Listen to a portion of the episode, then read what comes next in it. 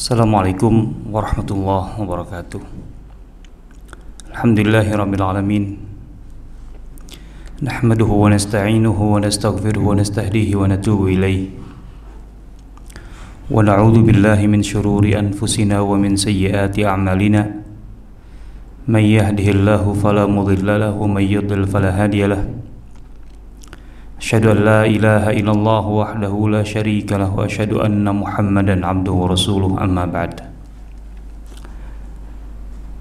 Muslimin muslimat rahimakumullah alhamdulillah. Pada kesempatan siang hari ini kita bisa berjumpa di majelis Zoom untuk melaksanakan dan mengikuti Stadium General Madrasah Sirah Nabawiyah MSN dan Madrasah Khilafah Rashidah MKR sebagai program unggulan Sirah Community Indonesia yang diadakan setiap tahunnya. Yang tahun ini karena kondisi pandemi maka diadakan atau diselenggarakan secara online insya Allah dari awal sampai akhir. Sehingga tentu dengan harapan semoga Allah Subhanahu wa taala segera mengangkat pandemi ini. Kita keluar dari situasi dan kondisi yang serba sulit ini dengan selamat zahiran wa batinan. Di sisi lain ada hikmah yang bisa dipetik bahwa kajian atau program madrasah Sirah Nabawiyah dan Madrasah Khilafah Rashidah tahun ini akan dilaksanakan secara online dan itu artinya bisa diikuti oleh peserta dari mana pun juga. Biasanya ya paling terbatas di sekitar Jabodetabek lah. Karena kegiatannya diadakan di Kalibata di Jakarta. Meski ada sebagian peserta yang Masya Allah datang dari tempat yang jauh sengaja untuk mengikuti Madrasah Nabawiyah, Sirah Nabawiyah ataupun Madrasah Khilafah Rashidah dari Batam, dari Lampung, dan dari tempat lain yang tentu banyak sekali pengorbanan dengan mengikuti kajian selama dua kali dalam satu bulan untuk Madrasah Sirah Nabawiyah dan satu kali untuk Khilafah Rashidah. Nah tahun ini dengan diselenggarakan secara online maka peserta dari mana pun dan sekaligus ini menjadi jawaban bagi banyak orang dari dulu artinya bertahun-tahun yang lalu meminta saya secara langsung ataupun tidak langsung untuk mengadakan uh, program ini di berbagai tempat bahkan di luar Jawa. Jadi sekarang tidak ada alasan untuk tidak bisa ikut karena uh, karena faktor tempat gitu ya. karena bisa dilakukan dengan online ya saatnya ikutlah tentu saja sebagai program unggulan Siro Community Indonesia baik MSN ataupun MKR memang ya Madrasah Sirah Nabawi dan Madrasah Khilafah Rashidah dikemas dengan uh, sesingkat dan sepadat mungkin. Karena sebenarnya kajian atau program ini merupakan program unggulan dasar sebenarnya. Di mana yang ingin kita kejar, ingin dikejar oleh SCI adalah uh, para peserta bisa mendapatkan gambaran yang utuh tentang periode Rasulullah SAW yaitu sirah nabawiyah ataupun periode Khulafaur Rasyidin selama 30 tahun dari Abu Bakar sampai Ali bin Abi Thalib. Cuma untuk Khulafaur Rasyidin kita bagi dua. Karena tidak mungkin kita adakan lebih padat lagi sebulan hanya bisa sekali tidak bisa dua kali. Kalau sebulan dua kali barangkali kita bisa sekaligus. Ya dalam satu tahun itu bisa satu angkatan jadi dua periode ini dua periode emas dalam sejarah Islam ini bisa uh, disampaikan dan bisa ditangkap dalam waktu yang relatif singkat. Kita mencoba untuk membatasi dalam kurang lebih 10 bulan saja.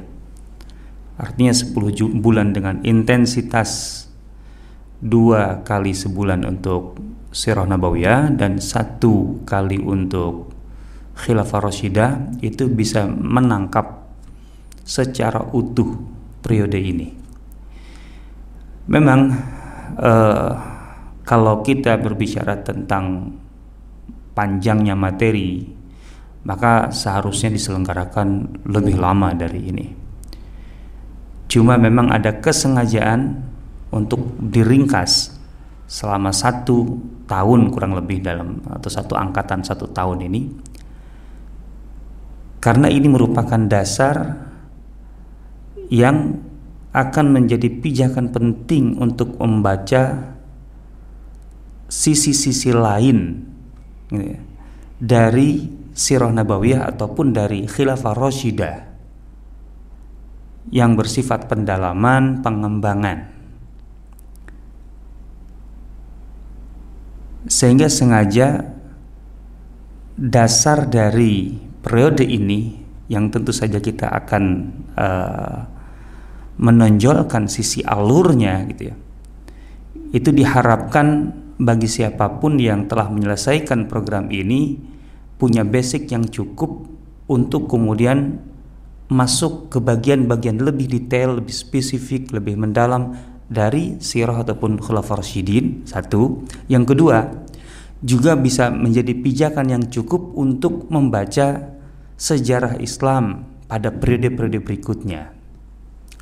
Karena kalau kita masuk lebih jauh ke sejarah Islam atau sejarah umat Islam setelah Khulafaur Rasyidin yang populernya itu Bani Umayyah, Abbasiyah, uh, Mamalik, uh, sebelumnya tentu ada ada Risa, ada Aghaliba, ada Andalus, ada Bilad Mawar an-Nahar sampai kemudian masuk ke Turki Utsmani gitu ya.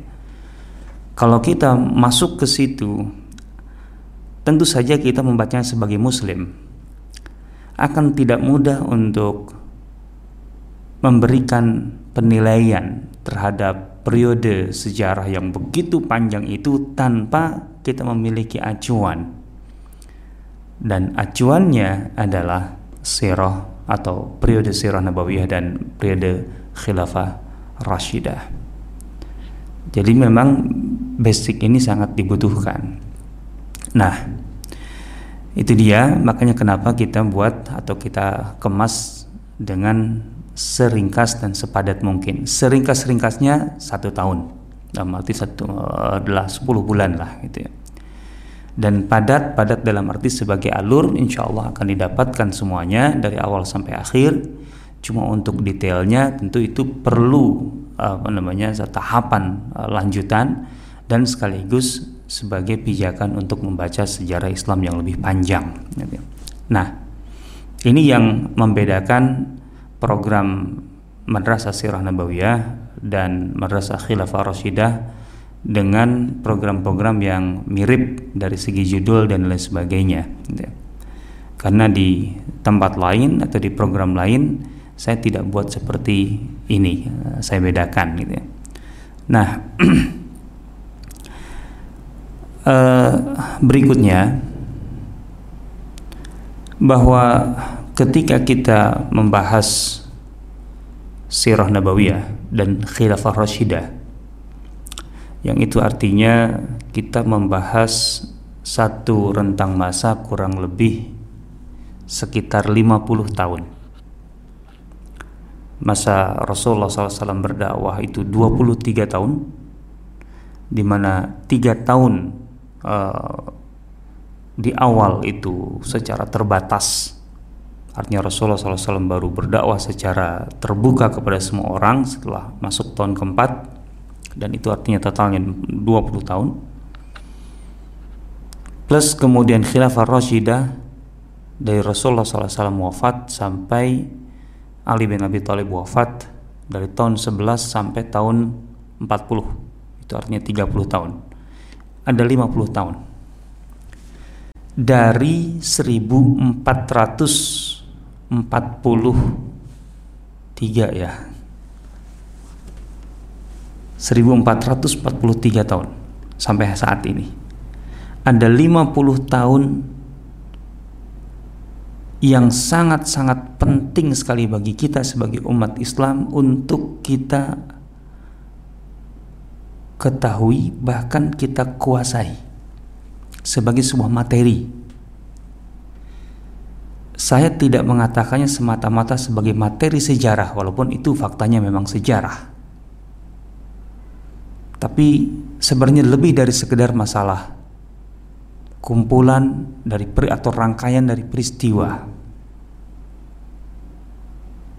50 tahun dalam sejarah umat Islam sampai hari ini gitu ya, 50 tahun itu sangat penting dalam membangun pedoman bagi kita untuk mengidentifikasi jati diri dan identitas keislaman kita. Kita di sini artinya bukan orang per orang saja. Kalau orang per orang tentulah itu lebih mudah karena akan dikembalikan kepada masing-masing. Tapi kita sebagai umat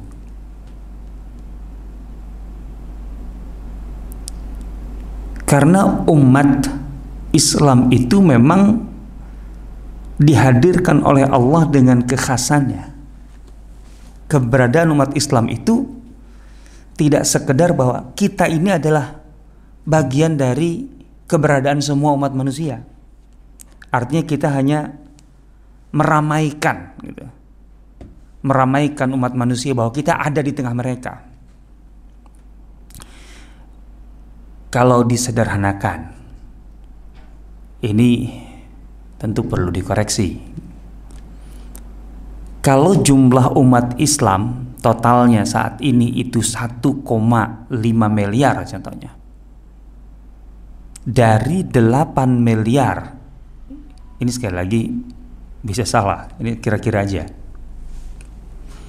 Dari 8 miliar jumlah umat manusia di dunia yang itu sebenarnya tidak kecil bisa dikatakan umat Islam itu 20% dari total populasi uh, manusia di bumi ini sekarang ini 20%. Keberadaan umat Islam yang merupakan 20% dari total populasi manusia di dunia itu untuk apa? Apa arti kehadirannya di tengah umat manusia?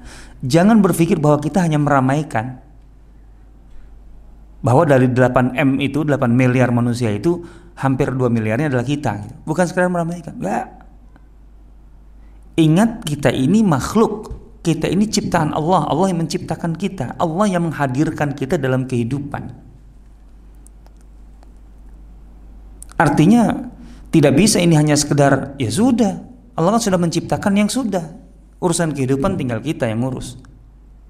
Kita yang ngurus berdasarkan ketetapan Allah. Petunjuk Allah. Tidak bisa tidak. Nah ini dia. Sehingga kita harus menyadari bahwa sebagai umat Islam itu apa arti keberadaan kita di tengah umat manusia saat ini. Nah, untuk memahami itu, kita harus paham kelahiran umat Islam. Dan kalau kita berbicara tentang kelahiran umat Islam dalam arti yang ideal, yang ideal, Ya tentu saja adalah umat yang dibentuk oleh Rasulullah SAW sebagai acuan, sebagai pedoman, sebagai model, sebagai teladan.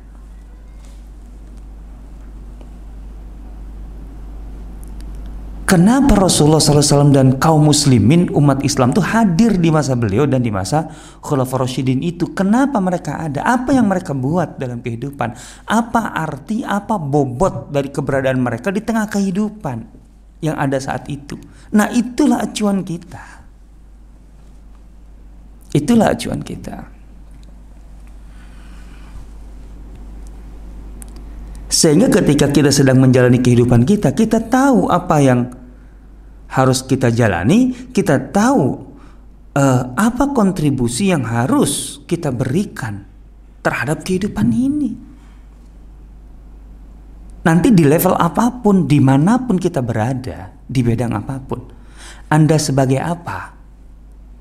Sebagai pribadi, sebagai seorang yang di tengah saudaranya, sebagai bagian dari keluarga, sebagai orang tua, sebagai tetangga, sebagai uh, pengusaha, sebagai manajer di tempat kerja, perusahaan, sebagai pejabat publik, sebagai politisi, sebagai penguasa, sebagai ulama, sebagai tokoh, itu semua masing-masing nanti ada arti, ada bobot sebagai umat di situ. Tanpa itu kita kehilangan segalanya. Tanpa itu kita persis persis seperti yang disebutkan Rasulullah SAW. Kita buih, kita rusak, kita buih. Yang kelihatan banyak tapi tidak memberikan arti terhadap arus sekalipun. Bahkan hanya mengapung mengambang di atas arus. Sementara yang menentukan kita arus kita yang nggak menentukan apa pun lah arus itu siapa yang menentukan ketika umat ini tidak menjadi arusnya, kita menjadi buihnya. Ini masalah besarnya.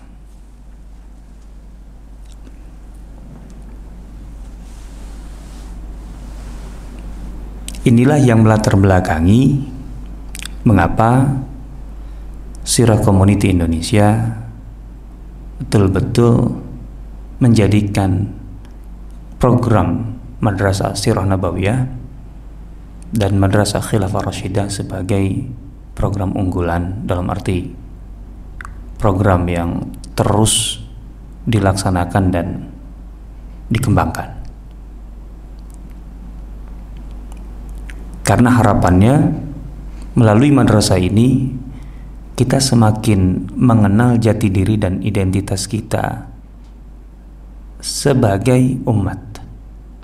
Apa arti keberadaan kita di tengah kehidupan ini. Jangan sampai kita seperti yang digambarkan dalam arti negatif oleh Rasulullah SAW sebagai ghuza, sebagai buih. Dan Rasul mengatakan buih itu banyak.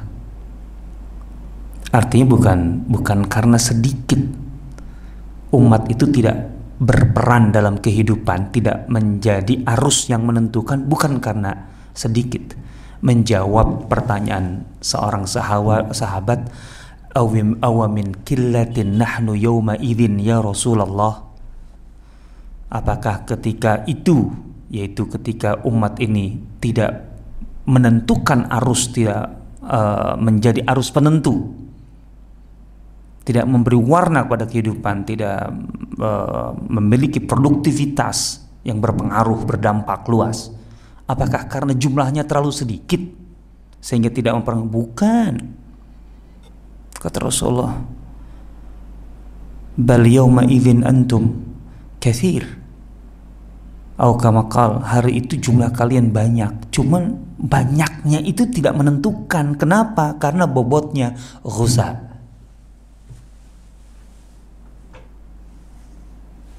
Uhuza karena dia buih. Itu analogi yang sangat-sangat mengena. Di tengah arus buih itu ya paling juga ya pras ngapung di atas tidak menentukan arus, terbawa arus dan cenderung minggir. ada di pinggiran. Kita menjadi penonton dari arus itu. Kita tidak lagi menjadi pelaku sejarah, tapi kita menjadi penonton sejarah. Umat Islam tidak lagi menjadi pemain di panggung sejarah, tetapi menjadi penonton di pinggiran panggung sejarah. Nah, ini sudah berjalan lama. Artinya ini bukan satu kondisi yang sedang kita alami belakangan ini. Umat ini sudah uh, perjalanannya berlangsung 1443 tahun. Dari 1443 tahun kita tuh sudah lama, umat tuh sudah lama berada di posisi ini. Yang tadi disebut Rasulullah SAW sebagai ghuza. Ya sulit untuk menentukan persisnya berapa lama. 50 100 200 tahun bisa lebih. Bisa lebih.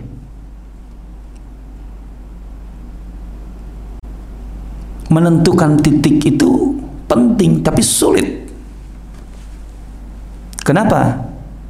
Karena tidak concern terhadap persoalan sejarah Apa pentingnya kita menentukan titik di mana umat Islam itu mengalami degradasi? Umat itu decline, turun, terjun bebas, prosot kualitasnya. Umat itu rapuh dan kemudian mulai menjadi serpihan-serpihan yang tidak berarti tidak kuat, tidak kokoh, menjadi mulai menjadi buih. Mulai kapan? Itu penting. Penting. Kenapa? Karena kalau kita menemukan titik itu, kita kemudian artinya kita mundur untuk menemukan titik itu,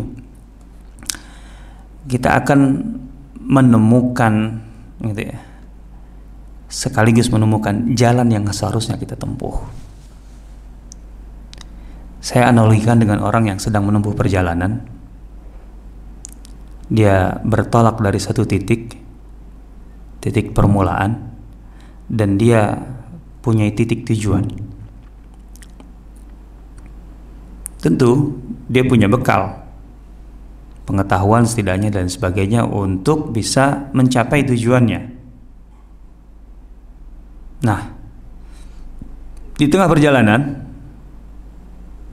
ada satu uh, hambatan, kondisi dan seterusnya, perubahan-perubahan yang membuat dia kemudian mengambil jalan lain. Yang ternyata jalan ini tidak mengantarkan dia kepada tujuan itu, menyimpangkan dia dari tujuan. Tapi penyimpangan itu ada titik mulanya, titik mula penyimpangan itu ada. Pasti ada. Nggak mungkin nggak. Karena awalnya dia benar. Gitu ya. Awalnya benar.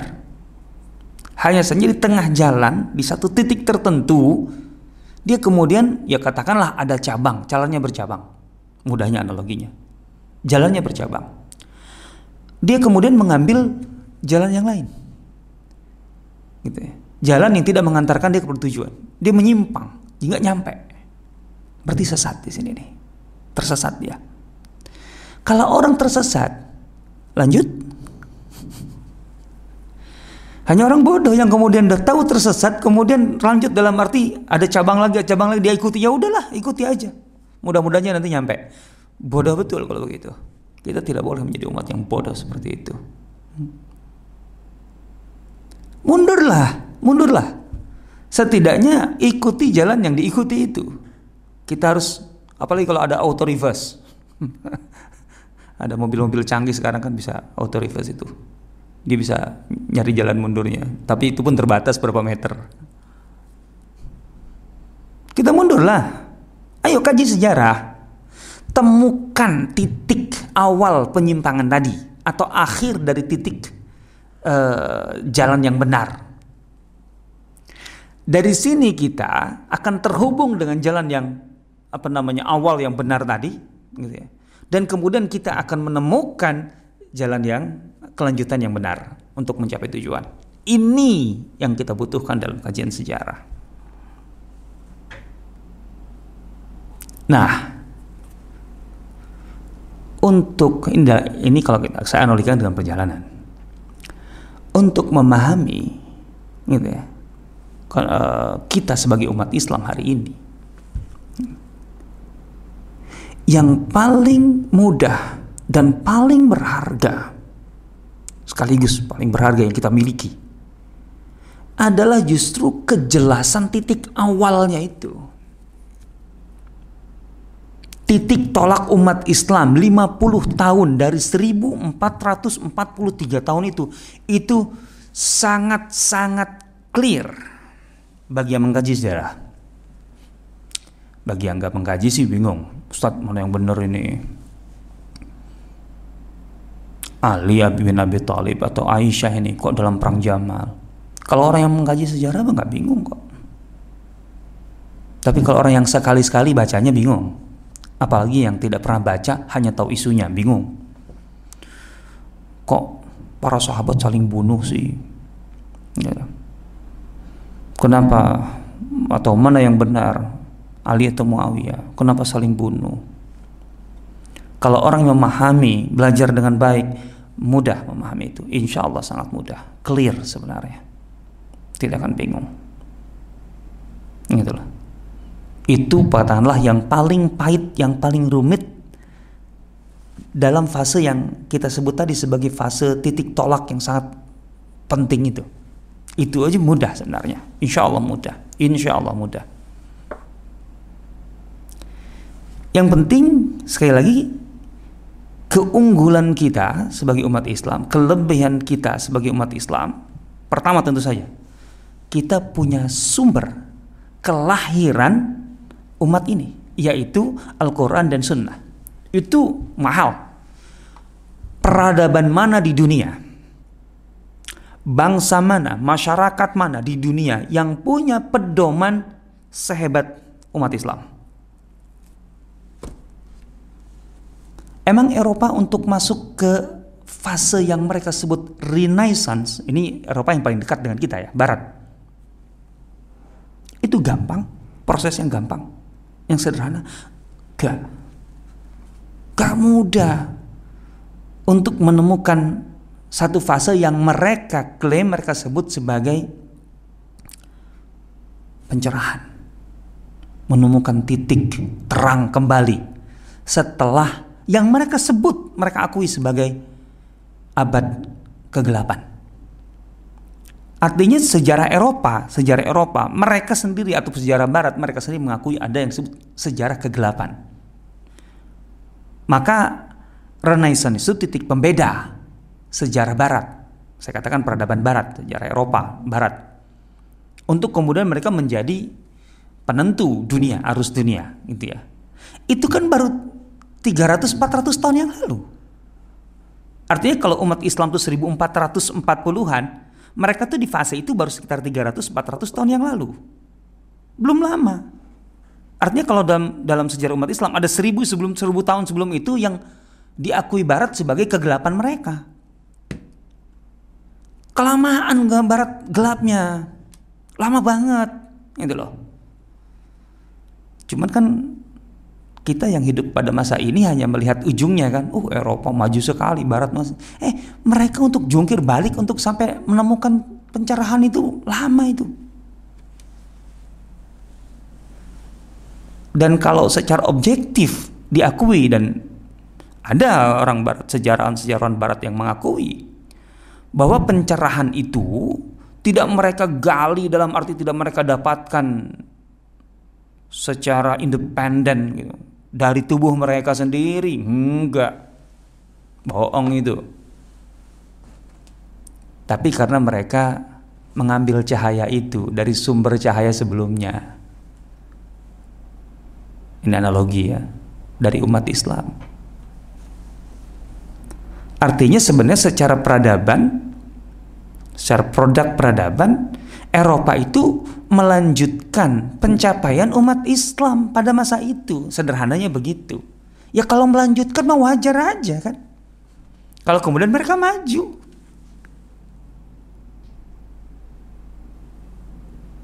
Saya berani katakan ini karena fakta yang tidak bisa dibantah di Eropa adalah adanya gerakan penerjemahan buku-buku, karya-karya ulama, ilmuwan, intelektual umat Islam secara masif ke dalam bahasa-bahasa Eropa.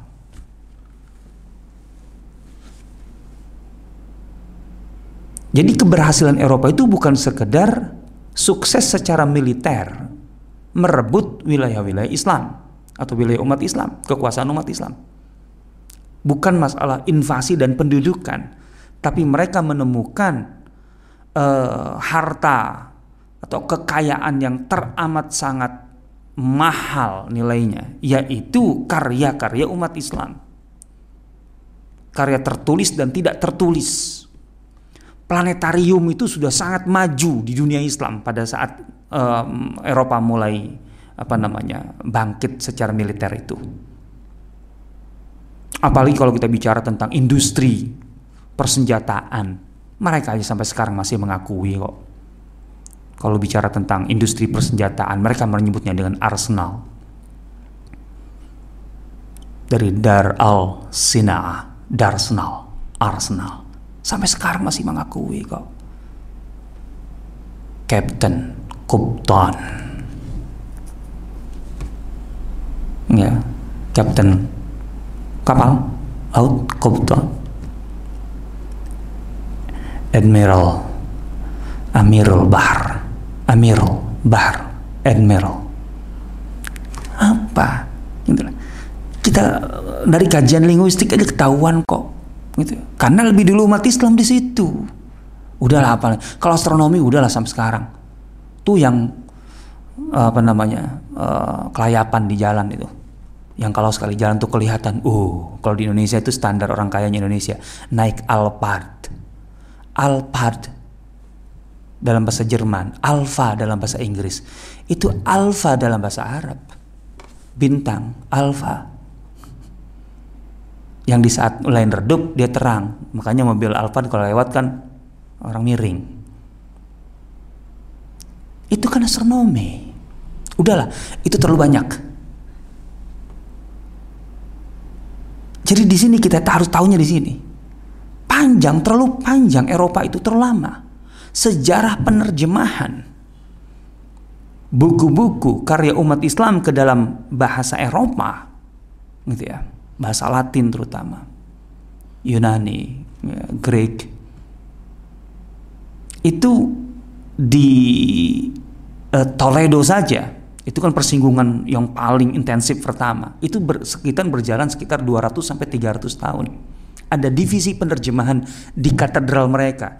Saya pernah apa namanya uh, ya mengunjungi bekas-bekasnya.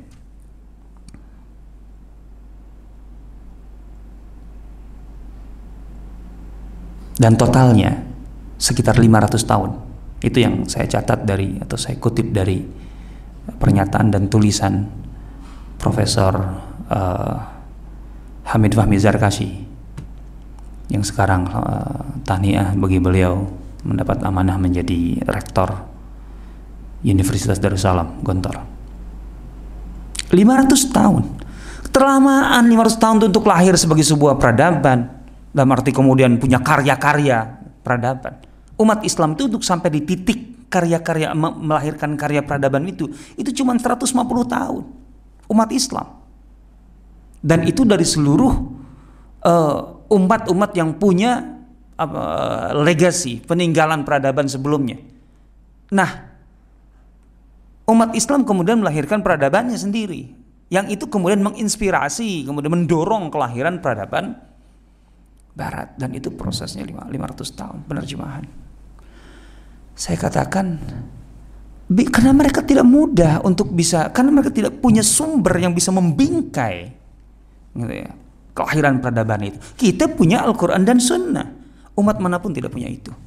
Barat ketika uh, Jepang ketika melakukan restorasi Meiji, mereka tidak punya kerangka itu. Kita punya. Nah, itu satu kekayaan yang teramat sangat mahal yang dimiliki oleh umat Islam. Bersamaan dengan itu yang tidak kalah penting, yang tidak kalah penting adalah penjelmaan, pengejauhan tahan dari sumber sekaligus kebenaran gitu ya. Peradaban besar mana pun akan mulai dari titik uh, kebenaran ini.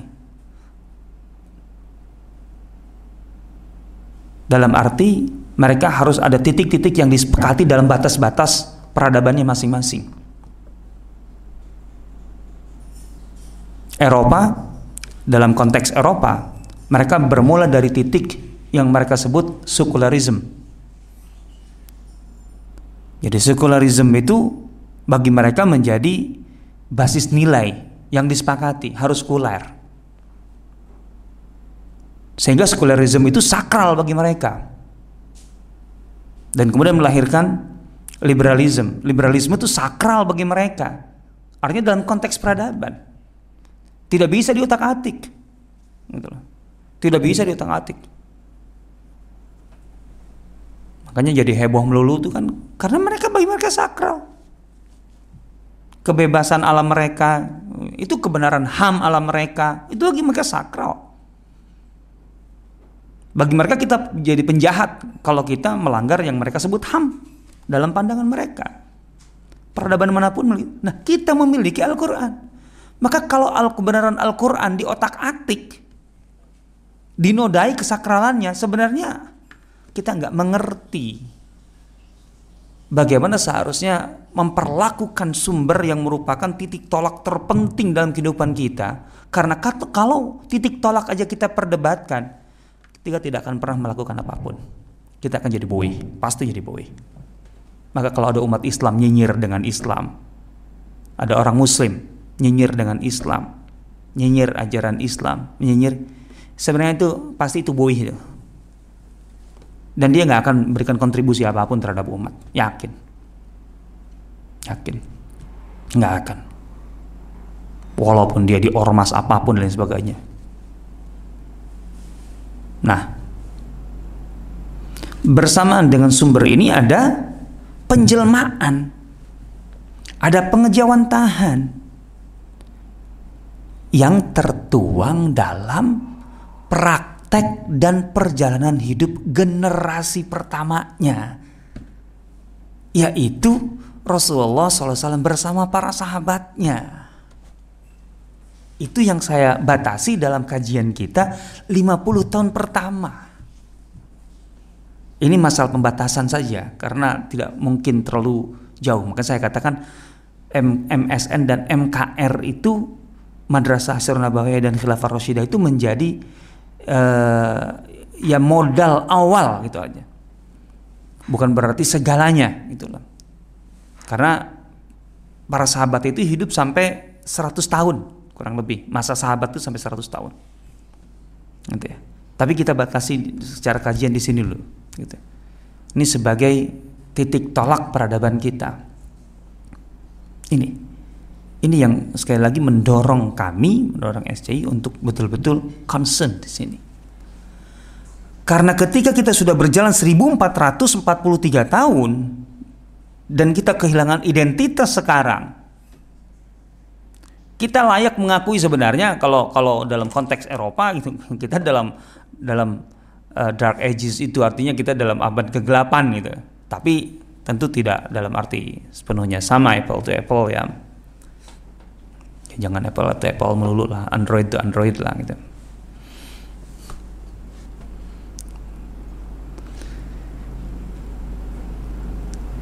Penjelmaan dari petunjuk sumber kebenaran Al-Quran dan Sunnah itu itu menjadi penting dan tidak bisa dipisahkan. Al-Quran dan Sirah itu tidak bisa dipisahkan. Al-Quran Sunnah dan Sirah Nabawiyah dan Khilafah Rasyidah itu tidak boleh dipisahkan. Karena di sini konsep teori dan sebagai pemikir pokok-pokok pemikirannya di sini pengejauhan tahannya implementasinya wujud nyatanya. Ini yang penting. Penting sekali bagi kita. Makanya generasi tabiin yang tidak pernah menjumpai Nabi SAW itu diajari oleh generasi sahabat Al-Quran dengan sirah itu berbarengan Al-Quran dan ini tidak lagi menjadi tradisi uh, keilmuan dan pendidikan kita kita membahas Al-Quran sebagai sumber hukum iya dan itu penting sebagai dalil hukum gitu ya. fikih gitu. sehingga kita dalam berfikih dalam beramal gitu, itu punya dalilnya yang benar gitu ya. Tapi fikih itu bagian dari hidup. Masalah-masalah fikih. Hidup itu nggak melulu nggak semuanya masalah fikih kan gitu. Begitu juga sebagai dalil akidah sebagai materi-materi gitu. Satuan materi yang terkait dengan akidah. Akidah itu bukan sekedar satuan materi. Akidah itu hasil akhirnya akan membentuk atau seharusnya membentuk pandangan hidup yang komprehensif. Pandangan kita, pandangan manusia terhadap hidup secara komprehensif, secara eh, komprehensif. Bahwa kehidupan ini lillah bermuara bersum, uh, bersumber dari Allah, bermula dari Allah, innalillah dan kemudian keluar ke dalam kehidupan nyata dan kemudian semua akan kembali kepada Allah wa inna ilaihi rajiun. Bahwa kehidupan itu itu. Kalau kita sadar bahwa kita berasal dari Allah dan akan kembali kepada Allah, maka semua tata kelola kehidupan kita tidak akan keluar dari framework itu. Itulah tauhid. Jadi tauhid itu bukan sekedar masalahnya Allah itu di atas atau di mana. Bukan semata itu nggak berhenti di situ.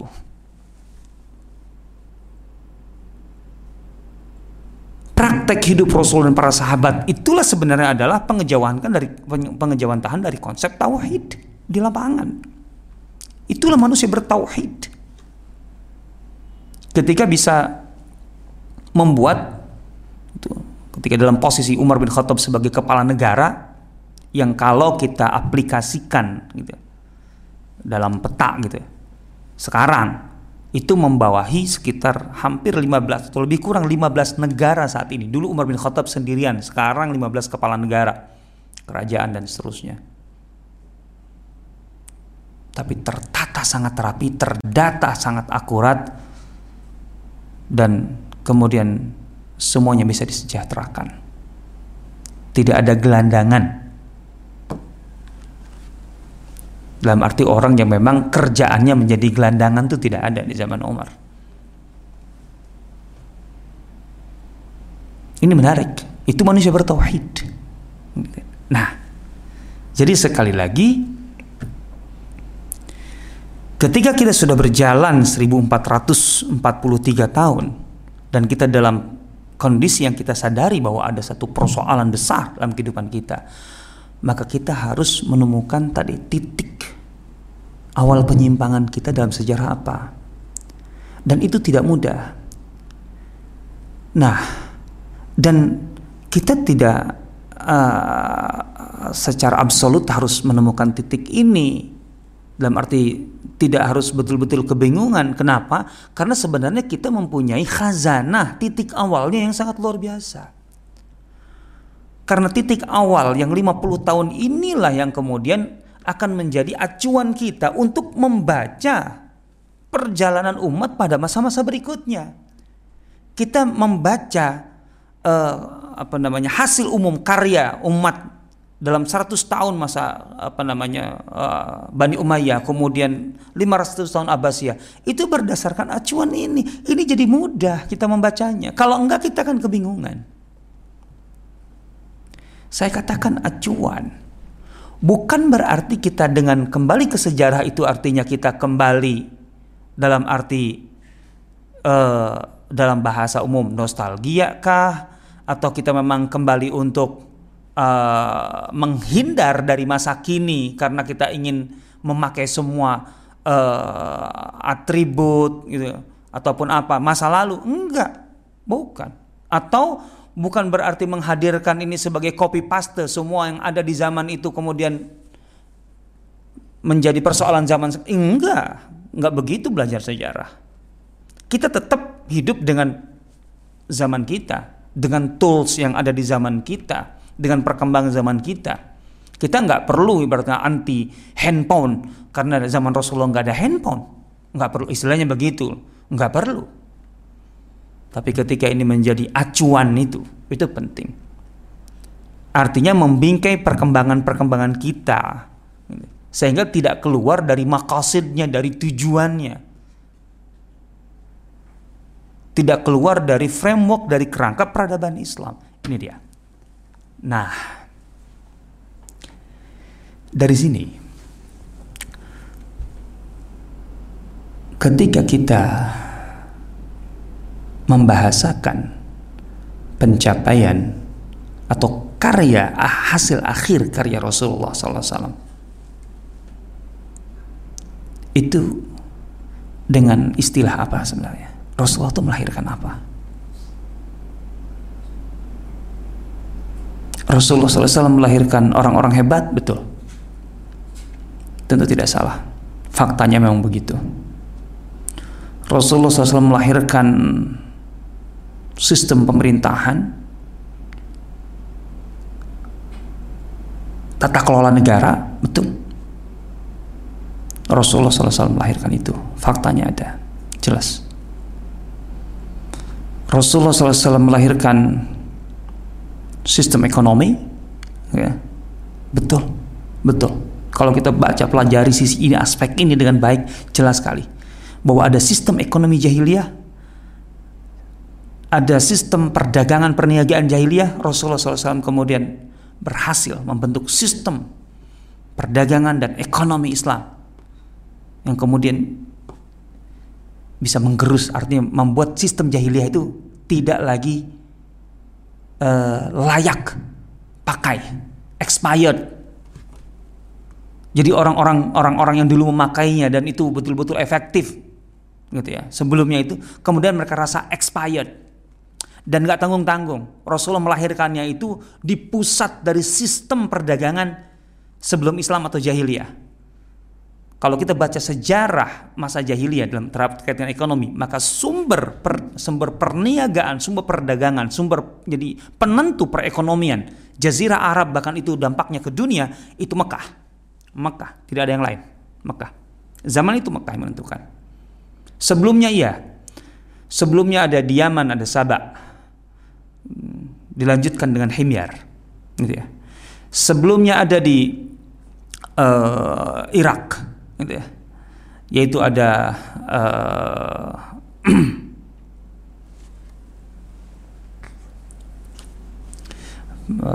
Palmyra kemudian uh, Hira sebelumnya ada di Syam. Ada yang penentu itu Anbat. Gitu ya. kemudian uh, Ghassan yang pusatnya itu Busro dan sebagainya. Uh, Petra Busro gitu ya. Iya sebelumnya itu menentukan. Tapi begitu mereka berangsur-angsur memudar maka Mekah lah yang tumbuh menjadi penentu. Rasulullah SAW itu membangun sistem melahirkan sistem di pusatnya dan mengalahkan. Betul secara itu. Tapi secara simpel, apa sih yang dibangun Rasulullah SAW? Kalau kita bahasakan, Rasul membangun peradaban.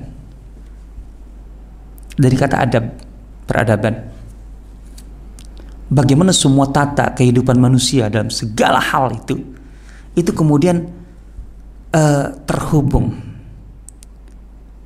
secara teratur, gitu ya ada sistem nilai yang yang yang apa namanya menjadi penentu dari semua hubungan semua uh, unsur itu. Seperti tertatanya alam semesta ini sebagai ciptaan Allah yang sangat indah, tertata.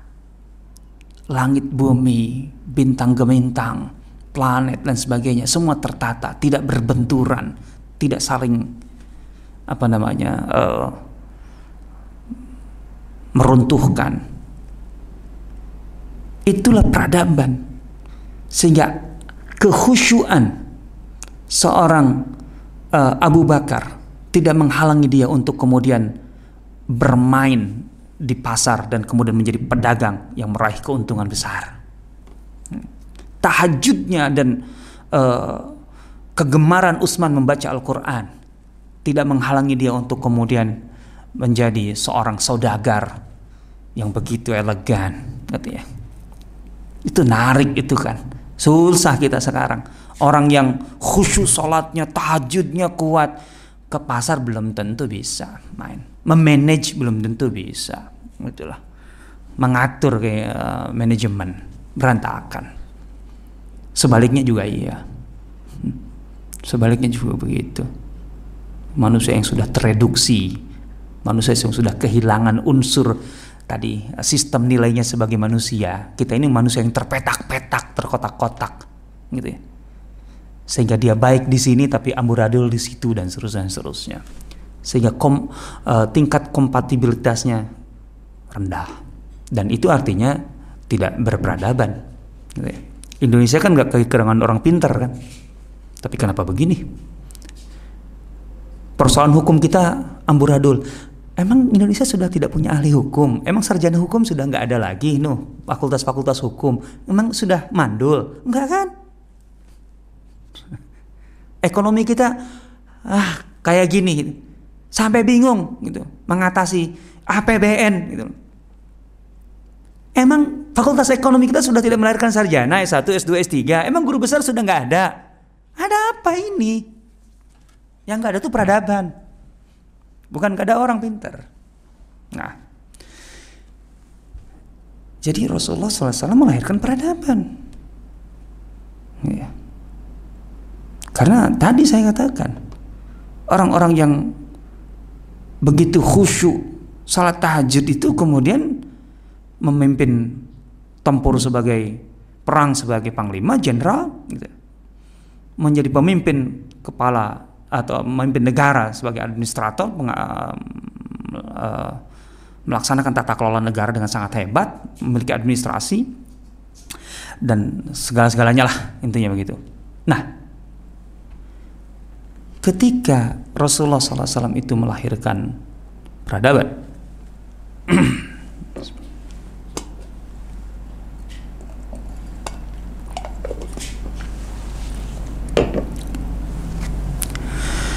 modal awalnya apa?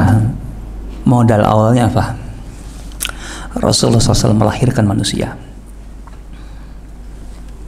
Maksudnya melahirkan manusia bukan dalam arti sebagai ibu gitu loh. Ini, ini metafor aja. Rasul melahirkan manusia. Ingat, Rasulullah SAW itu bertolak dari masa jahiliyah, di mana semua yang ada di sekitarnya adalah jahiliyah, manusia juga manusia jahiliyah. Begitu Rasulullah SAW menerima Iqra bismi rabbikal ladzi khalaq. Maka inilah titik permulaan upaya Rasulullah SAW untuk menarik manusia-manusia jahiliyah ini, mengentaskan manusia-manusia jahiliyah ini ke suasana yang sepenuhnya berbeda. Walaupun di tempat yang sama, di masa yang sama. Jadi ada faktor lain yang menentukan perubahan itu. Toh Rasulullah SAW tidak pernah keluar dalam arti masuk ke alam uh, tempat baru. Kalau Indonesia mungkin lebih mudah gambarannya. Kan ada sekian belas ribu pulau. Yuk kita tinggalkan aja. Kita cari pulau kosong kan masih ada. Kita bangun yuk di situ. Nggak harus begitu. Rasulullah SAW tetap berada di dalam dimensi uh, ruang dan waktu yang sama dengan sebelumnya, tapi kemudian bisa melahirkan manusia yang sepenuhnya berbeda. Tentu saja di sini yang berperan tadi wahyu. Ini yang membedakan manusia yang dilahirkan baru dilahirkan kembali melalui upaya Rasulullah SAW itu sebagai manusia yang saya sebut dengan istilah manusia risalah untuk membedakan dari manusia jahiliyah. Artinya memang Rasulullah SAW yang mau tidak mau kan modal beliau itu kan jahiliyah. Dalam arti beliau itu memulai itu, memulai perubahan itu dari kondisi yang memang apa adanya saat itu ya jahiliyah. Nah, dari unsur-unsur jahiliyah ini termasuk orang-orangnya ini, ini kan Rasulullah SAW selama tiga tahun milih-milih satu, dua, tiga, ini karena faktor efektivitas. Efektivitas. Tiga tahun itu Rasulullah SAW betul, betul-betul tidak ada benturan sama sekali. Coba kita baca dalam dalam sejarah dakwah, dalam sirah. Tiga tahun itu nggak ada benturan Rasulullah SAW itu. Nggak ada benturan. Artinya nggak membuang energi. Benturan itu kan pasti menyedot energi yang sangat luar biasa. Nggak membuang energi. Kenapa? Karena katakanlah ini jahiliyah nih. Ini empang jahiliyah nih. Butek. Ini jernih ya. itu kan tiga tahun itu tarik ini tarik ini terus gitu sehingga betul, betul beliau betul-betul fokus kepada orang-orang yang pada dasarnya siap menerima dakwah dengan begitu meminimalisir benturan dan tidak mengeluarkan energi yang terlalu banyak. Uh, tempatnya tidak perlu. Itu energi yang tidak perlu untuk dikeluarkan kan. Lah ngapain dikeluarkan? Nggak kayak kita. Belum apa-apa sudah petantang petenteng show up dan kemudian sampai mengidentifikasikan diri di hadapan lawan bahwa kamu musuh saya loh. Iya ya sudah. Habis itu dua hari tiga hari empat hari sebulan dua bulan pas hilang karena nggak didasari dengan perhitungan yang matang dan kemudian bisa jadi karena harus uh, tersedot tersedot energinya begitu besar pada hal yang tidak perlu di fase itu. Abu Bakar. Ya, kan orang jahiliyah semua itu tadinya. Abu Bakar, Utsman, itu di masa jahiliyah. Memang ada talenta-talenta hebat dalam diri Abu Bakar, Utsman dan lain sebagainya. Abdurrahman bin Auf di masa jahiliyah sekalipun. Tapi kan nggak serta merta asal kemudian keluar itu udah langsung jadi, diproses dong, diproses, gitu ya. Sebenarnya kehebatannya kemudian di prosesnya itu. Yang tercakup dalam surah uh, Al-Jumu'ah ayat 2 fil ummiyina rasulan minhum yadlu alaihim ayatihi wa yuzakkihim wa yu'allimuhumul kitab wal hikmah ada empat prosesnya. Di situ letaknya. Di luar Abu Bakar, Umar, uh, Utsman, kan ada Umar. Umar itu kan berat sekali jahiliyahnya. Penentang dakwah. Penentang dakwah yang sangat gigih sekali. Dan banyak yang lain. Nah begitu. Jadi intinya yang pertama kali dilakukan atau modal awal Rasulullah SAW itu melahirkan manusia baru bukan sekedar manusia yang menghindar dari jahiliyah menghindar tuh bukan berarti apa-apa selain bahwa dia lepas dari masa lalu ini konsep hijrah yang saya selalu ingatkan gitu. hijrah tidak akan pernah sukses kalau sekedar menghindar. Hijrah itu bukan semata-mata menghindar dari dari masa lalu, dari keadaan sebelumnya. Tapi memang ada ada visi dan ada wadah yang sudah disiapkan untuk kemudian membuahkan hasil, melahirkan karya ketika dia meninggalkan masa lalu. Karena kehidupan harus berjalan. Gitu bukan sekedar saya adalah mantan X. Kalau kopi mantan sih masih bisa, kopi kenangan mantan, masih manis. Tapi kalau, kalau jahiliyah kan pahit. Hmm. Nah, jadi melahirkan peradaban itu proses all ini. Ini yang menjadi uh, fokus, artinya ini ini ini muatan yang insya Allah akan menjadi fokus dari materi-materi uh, Madrasah Sirah Nabawiyah angkatan ini. Dan saya akan tekankan insya Allah dalam materi uh, atau saya akan sisipkan akan selipkan di materi uh, Khilafah Rashidah untuk tahun ini. Dalam setiap angkatan ini menjadi pembahasan. Cuman sirah itu terlalu banyak hal yang harus diangkat gitu saya merasa tahun ini saya akan uh, cenderung untuk memperbanyak gitu artinya menzoom uh, aspek ini gitu karena ketika kita tentu saja muak katakanlah itu dengan segala persoalan dan itu alhamdulillah bagus artinya sensor iman kita jalan. Kalau kita sekarang ini merasa enak dengan keadaan dan sebagainya itu jadikan sesuatu yang positif ya. Pertama itu sensor iman kita jalan alhamdulillah. Karena kalau sensor iman kita ngadat mati waduh udah nauzubillah deh semua keburukan kemungkaran itu kita rasa fine fine aja itu bahaya sekali. Nggak apa-apa enak. Cuman harus jadi satu yang positif. Nah intinya kemudian yang diharapkan selalu adalah perubahan. Ya. nah kalau kita bicara tentang perubahan sebenarnya titik awalnya di mana? Ini dia. Manusia jahiliyah menjadi manusia risalah. Gitu maka menegaskan bahwa sebenarnya yang ditanamkan oleh Rasulullah SAW dalam atau sepanjang perjalanan dakwahnya 23 tahun itu ya ya risalah itu. Sehingga manusia baru yang menyertai beliau itu berbeda dengan manusia jahiliyah. Jelas. Islam itu hadir untuk mendekonstruksi jahiliyah. Jelas. Lah bayangkan ketika Allah memberikan isyarat huwallazi ba'atsa fil ummiyin. Ummiyun adalah masyarakat yang tidak mengindahkan, masyarakat yang tidak peduli dengan keterbukaan terhadap sesuatu yang baru. Sebenarnya maknanya itu. Untuk belajar lebih banyak sehingga tidak mementingkan baca dan tulis. Itu kan permulaannya, jendelanya kan itu. Kalau baca tulis aja nggak penting, itu artinya apa? Sebenarnya mereka tidak tidak suka dengan sesuatu yang baru. Ngapain yang baru? Toh yang lama ini aja sudah cukup membuat kita kaya raya menjadi penguasa ekonomi Jazirah Arab. Inna wajadna aba'ana ala ummatin. Kan moyang kita dari dulu juga gitu. Ilaf berjalan, kontrak dagang luar biasa, kita jadi kaya raya. Ngapain kita ubah? Toh kita sudah, oh, ini status quo nih.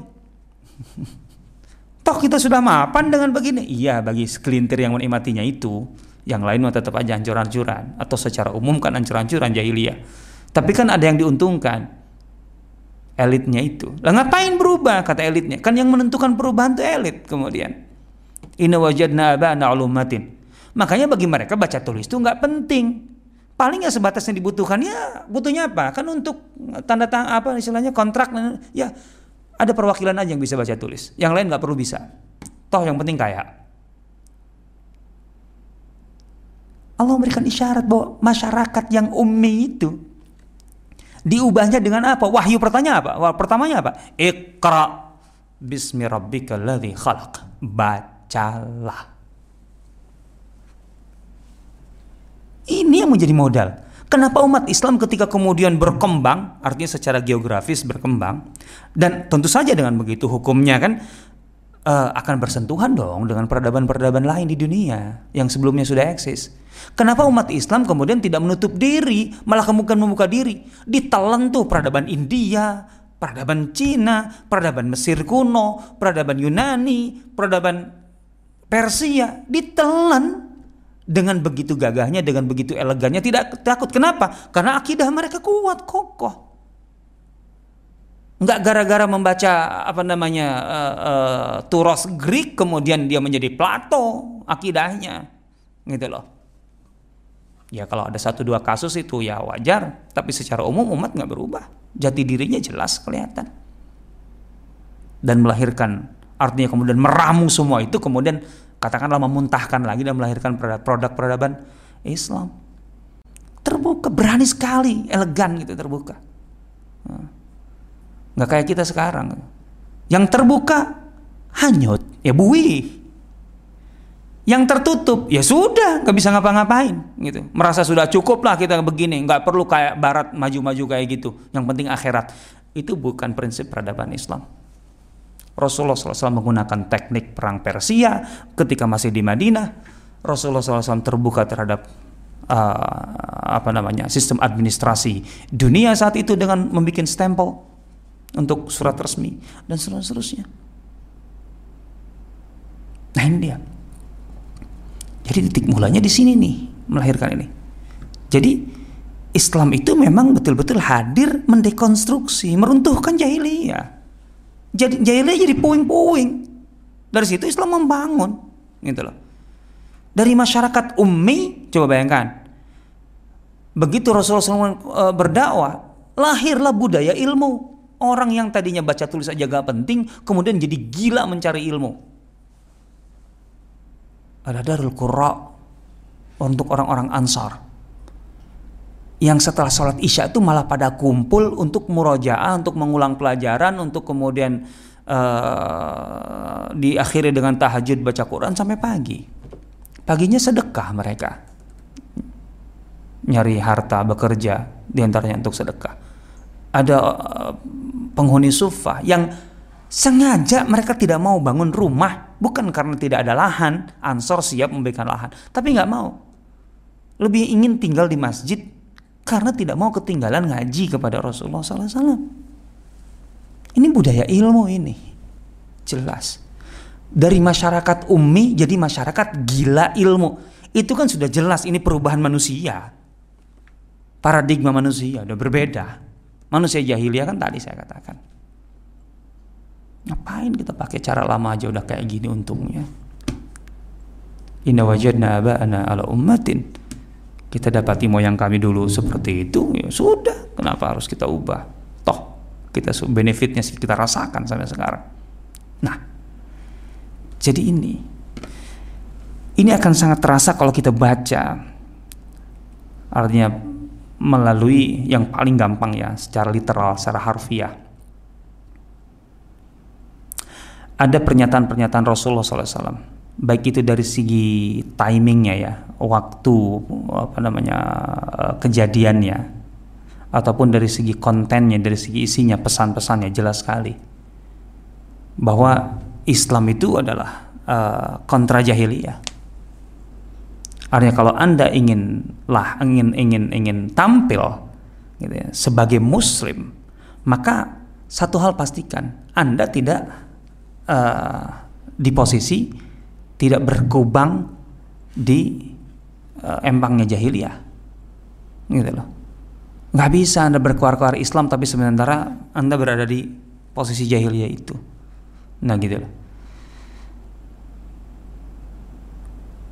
Di Fatuh Mekah ingat Fatuh Mekah itu kan kemenangan puncak umat Islam di Jazirah Arab. Karena Mekah menjadi penentu begitu Mekah ditaklukkan jatuh ke tangan umat Islam, dakwah Islam sudah sudah tidak bisa atau sudah menjadi arus yang sangat besar yang tidak bisa dibendung. Sederhananya begini aja lah. Setelah Fatu Mekah itu turun firman Allah Subhanahu wa taala surah An-Nasr, "Idza jaa nasrullahi wal fath." Wa ra'aitan nasa yadkhuluna fi dinillahi afwaja. Ini ini catat baik-baik ini ini betul-betul satu kondisi yang uh, berubah sepenuhnya dari dari dari sebelumnya. Apabila engkau menerima anugerah pertolongan Allah dan kemenangan dan engkau melihat karena pertolongan Allah dan kemenangan itu manusia berbondong-bondong memeluk agama Allah. Wa ra'aitan nasa yadkhuluna fi dinillahi afwaja. Bergelombang-gelombang, berkelompok-kelompok, beregu-beregu. Fauj itu regu, kelompok, gelombang. Kloter kalau haji itu karena pakai pesawat, kelompok terbang engkau manusia, engkau melihat manusia setelah Fatu Mekah itu berbondong-bondong, bergelombang-gelombang datang untuk menyatakan masuk Islam. Ini kan kondisi yang sepenuhnya eh, berbeda dari sebelumnya. Sebelum Fatu Mekah itu Rasulullah SAW yang harus proaktif, Rasulullah SAW yang harus menjemput bola, mendatangi bahkan orang per orang, orang per orang didatangi kan sebelumnya. Untuk ini loh Islam, aku adalah utusan Allah, jadi mengenalkan dirinya, mengenalkan uh, tugasnya, kewajiban. Itu yang dilakukan Rasulullah SAW sejak mulai dakwah sampai sebelum Fatu Mekah. Beliau yang harus menjemput bola, proaktif. Tapi begitu Fatu Mekah, justru beliau yang duduk di Madinah dari mana-mana seluruh pelosok jazirah Arab tahun tahun 9 tahun 9 tahun 10 itu kan disebut dengan Naam al-Wufud dalam sirah tahun kedatangan delegasi-delegasi Arab terutama Arab tentu saja karena masih jangkauan jazirah Arab. Delegasi untuk mewakili kelompoknya masing-masing menyatakan masuk Islam. Itu kan udah berubah sepenuhnya itu. Masya Allah itu kan. Ya. Ini di momentum Fatu Mekah ini di mana Islam sudah betul-betul berada di posisi uh, artinya sudah menentukan gitu ya, menentukan arah menjadi arus di jazirah Arab setidaknya pada saat itu. Lihat. Di hadapan paling tidak ini 12 ribu orang kan? Yaitu pasukan Rasulullah yang dibawa uh, ke Mekah 10 ribu plus orang-orang Mekah 2000 ini kalau jumlah pasukannya aja. Tentu lebih banyak dari itu lagi. Rasul berkata apa? Walaupun ini di, di, kepada Quraisy karena konteksnya di Mekah. Ya ma'syara Quraisy selain karena Quraisy itu yang paling berpengaruh di, di antara semua orang Arab dan punya uh, apa namanya posisi-posisi istimewa dalam barang, dalam banyak hal dengan keberadaan Ka'bah dan seterusnya Inna Allah qad adhaba ankum nakhwatal jahiliyah wa ta'adhumaha bil aba. An-nasu min Adam wa Adamu min turab. Wahai segenap Quraisy, sesungguhnya Allah telah menghapus keangkuhan jahiliyah pada diri kalian. Ini terjemahannya ya, nakhwah. Nanti saya ceritakan apa yang terkait dengan keangkuhan jahiliyah itu dan kebanggaan ala jahiliyah karena garis keturunan. Orang jahiliyah itu sangat terobsesi dengan yang disebut dengan karom, kehormatan. Bisa dikatakan, bisa dikatakan, kehormatan itu itu lebih penting sebagai nilai hidup bagi masyarakat jahiliyah daripada bahkan kekayaan. Itu jahiliyah. Artinya, orang jahiliyah akan melakukan apa pun, cara apa pun untuk ujung-ujungnya terhormat. Dan dia akan menghindari apa pun dengan cara apa pun yang bisa merusak kehormatan. Bahkan mereka bisa rela untuk kehilangan banyak harta demi membeli kehormatan. Itu jahiliyah Arab saat itu. Kalau sekarang banyak orang yang justru terbalik. Artinya kalau kita bilang jahiliyah-jahiliyah sekarang tuh justru banyak orang yang mengorbankan kehormatan asal atau untuk mendapatkan kekayaan. Nggak apa-apa, nggak terhormat, yang penting kaya. Nggak apa-apa pakai baju pesakitan dadah-dadah, yang penting kan korupsinya banyak. Paling yang disita sedikit, nanti juga nggak disita, ah, yang lebih uh, tidak tidak semuanya disita. Paling bayar denda berapa, nanti dapat remisi, asik kan? Dulu orang Arab itu bisa mengorbankan kekayaan demi meraih uh, kehormatan. Nah, dengan kehormatan itu, ketika seorang itu menjadi terhormat, maka dia berhak sombong. Pokoknya kehancuran atau kerusakan jahiliyah gara-gara kehormatan banyak deh. Nanti mungkin kita insya Allah kita cerita dalam di di madrasah Sirah Nabawiyah ya MSN ya. Kalau pernah mendengar, ini contohnya ya. Kenapa di masa jahiliyah itu ada ada uh, suasana suatu kondisi ya, gitu ya, atau fenomena masyarakat. seorang suami istri bisa merelakan dalam hal ini suami bisa merelakan istrinya untuk tidur dengan seseorang ya, untuk tidur dengan seseorang dan bisa jadi tidak menggauli istrinya si suami itu sampai memastikan istrinya hamil dari orang tersebut yang itu entah siapa entah berantah ya pokoknya otomatis lah ini kan ini suaminya nih bahkan suaminya yang merestui. Selama si orang laki-laki itu adalah tokoh kalau bahasa kita untuk perbaikan keturunan. Karena dia mendapatkan keturunannya dari sampai meyakini gitu. Dan sampai bayangkan masuk ke masalah moral. Seorang laki-laki seorang suami merelakan istrinya tidur dengan laki-laki tokoh supaya kemudian dapat keturunan kecipratan keturunan itu tokoh itu supaya kemudian terhormat gitu loh inseminasi jahiliyah itu tuh kayak gitu tuh itu demi kehormatan Jangan salah. Karena supaya terhormat. Itu praktek jahiliyah sampai segitu, gitu loh. Karena kalau orang sudah terhormat, itu kemudian layak sombong dan layak untuk menghina yang miskin. Yang miskin itu tidak bisa berpikir bahwa saya bisa terhormat. Yang miskin itu pasti hina. Makanya kenapa ada kecaman dalam Al-Quran, la taqtulu auladakum min imlaq. Jangan kalian bunuh anakmu gara-gara kamu miskin. Kenapa orang miskin membunuh anak? Karena bagi mereka ini, kia, aku aja udah miskin. Lah aku punya anak, dalam hal ini perempuan. Ya anak perempuan gak bisa nambah kekayaan, mengurangi pasti. Dibunuhlah anak perempuan tuh. Jadi membunuh anak perempuan, dalam arti mengubur hidup-hidup, itu karena ini, karena kehormatan, bukan karena benci perempuan, laki-laki benci perempuan. Enggak ada zaman jahiliyah istilah uh, bahwa laki-laki itu secara sebagai sebagai jenis kelamin itu memusuhi perempuan sebagai nggak ada. Ini kehormatan biangnya. Artinya paradigma mereka tentang kehormatan.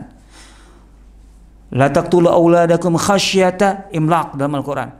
Jangan kamu bunuh anakmu gara-gara takut miskin. Lagi nggak miskin sih, tapi karena anaknya perempuan, waduh ini pasti aku jatuh miskin ya nanti. Aku takut jatuh miskin. Dibunuh anak dikubur hidup-hidup. Gara-gara itu. Itu yang kemudian memunculkan nakhwatul jahiliyah. Maka kenapa kecaman Al-Quran terkait dengan orang-orang yang memusuhi Rasulullah itu terkait banyak dengan harta. Abu Lahab.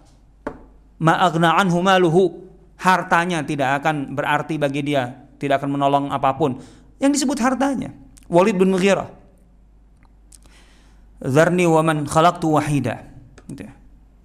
Kemudian apa? Wa ja'altu lahu malam mamduda. Hartanya melimpah. Wa Yatma wa nazi dan dia masih ingin aku menambahkannya. Musuh-musuh Rasulullah itu orang-orang kayak gitu. Al-hakumut takasur. Kalian berlomba-lomba untuk memperbanyak kekayaan. Hatta zurtumul makabir. Sampai ke liang lahat. Ke liang kubur. Kemudian. Yang humazah lumazah. Yang nyinyir kepada Rasulullah. Menghina Rasulullah. Alladhi jama'a mala wa'adada. Yang mengumpulkan harta dan menghitung-hitungnya. Lihat semuanya terkait dengan itu. Karena ada nakhwah nanti ketika dia kaya. Muhammad, kenapa engkau yang jadi rasul? Kan aku seharusnya, kata Walid bin Mughirah, yang lebih kaya, yang lebih apa. Abu Jahal mengatakan apa? Muhammad, jangan pernah berpikir engkau hebat di sini. Aku lebih uh, apa, lebih kaya darimu. Aku lebih kuat darimu. Kuat dan kaya itu otomatis. Semua itu. An-nasu Adam kekayaan itu bukan kehormatan maksudnya gitu dan tidak berhak kemudian dengan begitu engkau merendahkan yang lain kamu itu semuanya dari Adam dan Adam min turab dari tanah itu di Fatu Makkah coba lihat di Haji Wada Rasulullah mengatakan ala inna kulla syai'in min amril jahiliyati tahta qadamayya maudu ketahuilah Sesungguhnya segala urusan bernafas jahiliyah telah aku hapus di bawah kakiku. Segala urusan Artinya kan jelas konteksnya negatif jahiliyah itu bukan. Jahiliyah itu bukan sekedar sesuatu yang ada di masa sebelum Islam. Tidak semua yang di masa eh, masa Muslim itu adalah buruk, tapi semua yang buruk sebelum Islam itulah jahiliyah. Rasulullah kemudian mengatakan wa dimaul jahiliyati mawdu'ah wa inna awwala damin adau min dima'ina dam dam ibn Rabi'at Rabi'at bin Haris kana mustardaan fi Bani Sa'din faqatalathu Hudail. Dendam karena pembunuhan di masa jahiliyah telah dihapus. Karena pembunuhan eh, kasus pertama, kasus pembunuhan pertama yang aku hapus adalah kasus keluarga kami, yaitu pembunuhan Ibnu Rabi'ah, Ibnu Haris. Itu dari keluarga Rasulullah SAW. Dia disusui di Bani Sa'ad lalu suku Hudail membunuhnya. Tidak ada dendam. Karena kasus pembunuhan jahiliyah. Sudah selesai. Karena buruk, busuk itu. Dendam jahiliyah itu. Nggak akan berhenti tujuh turunan itu. Dan itu akan menjadi berkali-kali menjadi perang sangat luar biasa. Ala la yajni janin illa ala nafsi. Ini masalah filosofi hukum yang sangat penting sekali wala yajni walidun an ala waladi wala mauludun ala walidi. Setiap pelaku kejahatan menanggung sendiri akibat perbuatan jahatnya. Orang tua tidak menanggung kejahatan anaknya dan anak tidak menanggung kejahatan orang tuanya. Di zaman jahiliyah kalau ada seorang keluarga itu menanggung kejahatan maka akan dibela oleh seluruh keluarganya karena merasa terhina kalau seandainya anaknya yang jahat itu dihukum. Kalau tidak dihukum enggak apa-apa. Mereka tidak terhina, tidak merasa terhina karena anaknya berbuat jahat. Tapi akan merasa terhina kalau anaknya atau anggota keluarganya itu dihukum oleh kelompok lain karena kejahatannya. Padahal kan kejahatan dia, dia yang bertanggung jawab. Tapi jahiliyah. Ala inna uh, waribal jahiliyati maudu wa awal riban adau ribana riba Abbas ibn Abdul Muttalib fa innahu maudu'un kulluh wa inna kulla riban maudu lakum ru'usu amwalikum la tadlimuna wa la tudlamun qadallahu annahu la riba. Ini masalah ekonomi dan filosofi ekonomi. Riba jahiliyah telah dihapus. Praktek riba pertama yang aku hapus adalah riba keluarga kami. Riba Abbas bin Abdul Muthalib. Abbas bin Abdul Muthalib itu kaya raya dan di antara sumber kekayaannya dari praktek riba. Bisa dikatakan satu taif itu banyak yang uh, hutang riba ke Abbas. Dan itu dia gunakan hasilnya di antaranya untuk menjamu uh, jemaah haji. Dari uang riba. Jahiliyah. Semua riba telah dihapus. Kalian hanya berhak menerima pokok harta milik kalian. Artinya yang pelaku riba. Ya, yang meminjamkan harta uang ataupun harta riba. Itu hanya berhak mendapatkan pokoknya saja. Artinya di luar pokoknya itu itu telah dihapus dengan begitu kalian tidak menzalimi dan tidak dizalimi. Ini prinsipnya. Karena dalam riba itu ada unsur menzalimi dan tidak menzalimi. Ada unsur menzalimi dan dizalimi. Ada pihak yang zalim, ada korban yang dizalimi.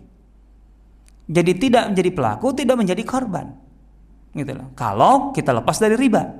Maka kalau sistem ekonomi walaupun kemudian kita sebut ekonomi itu bebas riba, atau kemudian kemudian kita klaim sebagai ekonomi syariah tapi kemudian ada pihak yang zalim. Dan dizalimi sebenarnya secara prinsip secara filosofi dia bukan ekonomi Islam. Gitu loh. Harus hilang itu karena dasarnya itu. Dengan dihapusnya riba kalian tidak menjadi pelaku yang zalim dan tidak jadi korban yang dizalimi. Allah telah menetapkan penghapusan riba Wa inna ma'athirul jahiliyati mawdu'ah. Sesungguhnya segala kebanggaan jahiliyah telah dihapus ini dalam konteks Mekah. Ghair, sidanah was siqayah. Selain sidanah dan siqayah. Sidanah adalah manajemen pengurusan Ka'bah. Itu diperlukan karena terkait dengan haji. Ya ada masalah kiswah, ada masalah manajemen lah. Dan sikayah penyediaan logistik untuk jemaah haji itu tetap praktek itu. Karena selain sidana dan sikaya itu ada 10 ada totalnya 10 yang disebut ma'asir kebanggaan jahiliyah yang dibagi-bagi kepada setiap kelompok di Quraisy. Di mana dengan kebanggaan itu satu kelompok merasa kemudian arogan ataupun merasa uh, layak angkuh ketimbang yang lain. Padahal itu tidak perlu. Artinya bukan tidak perlu, artinya dalam sebuah masyarakat itu ya diada-adakan saja. Dan tidak bisa keluar dari kelompok itu. Jadi sudah hak mutlak satu kelompok bahwa mereka terlahir sebagai orang hebat, sebagai orang terhormat gara-gara itu. Maka dihapus oleh Rasulullah SAW kecuali yang memang ini secara uh, konkret di lapangan dibutuhkan. Manajemen uh, pengurusan Ka'bah dan penyediaan logistik jemaah haji. Ini si kaya aja sekarang enggak. Hanya sedikit lah gitu ya. Yang gratis di haji itu kan sekarang sedikit nggak banyak gitu ya. Jemaah haji mengeluarkan uang cukup banyak. Wallahu taala alam. Ini jadi ada destruksi jahiliyah urusan segala urusan jahiliyah itu umum tentu segala yang bentuk dari uh, yang yang buruk. Kebanggaan jahiliyah yang disebut nakhwatul jahiliyah, ma'asil jahiliyah itu mencakup aspek sosial, budaya dan politik dalam prakteknya kalau kita baca terkait dengan istilah ini. Dalam prakteknya terkait dengan sosial, dengan budaya dan politik. Dendam jahiliyah, sosial dan budaya. Riba jahiliyah terkait dengan ekonomi. Lihat. Ketika manusia baru manusia risalah yang dibentuk oleh Rasulullah SAW itu adalah bukan manusia jahiliyah. Berarti lihat dalam bersosial, berbudaya, berpolitik, berekonomi itu berbeda dengan jahiliyah. Dan Islam mempunyai itu semua. Inilah yang dilahirkan Rasulullah SAW. Sehingga inilah yang melahirkan peradaban. Wallahu taala alam.